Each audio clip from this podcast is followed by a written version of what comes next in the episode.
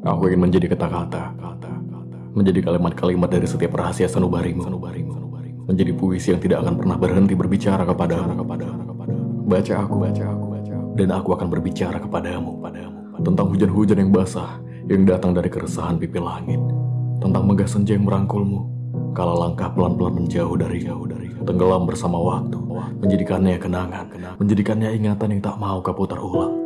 Namun di sini, dalam ruang tulis yang kau isi, yang kau sebut puisi, yang terpanggil dari hati, aku akan selalu bersama bersama entah dalam peluk yang kau anggap fana, atau sebagai remuk yang selalu kau sebut luka.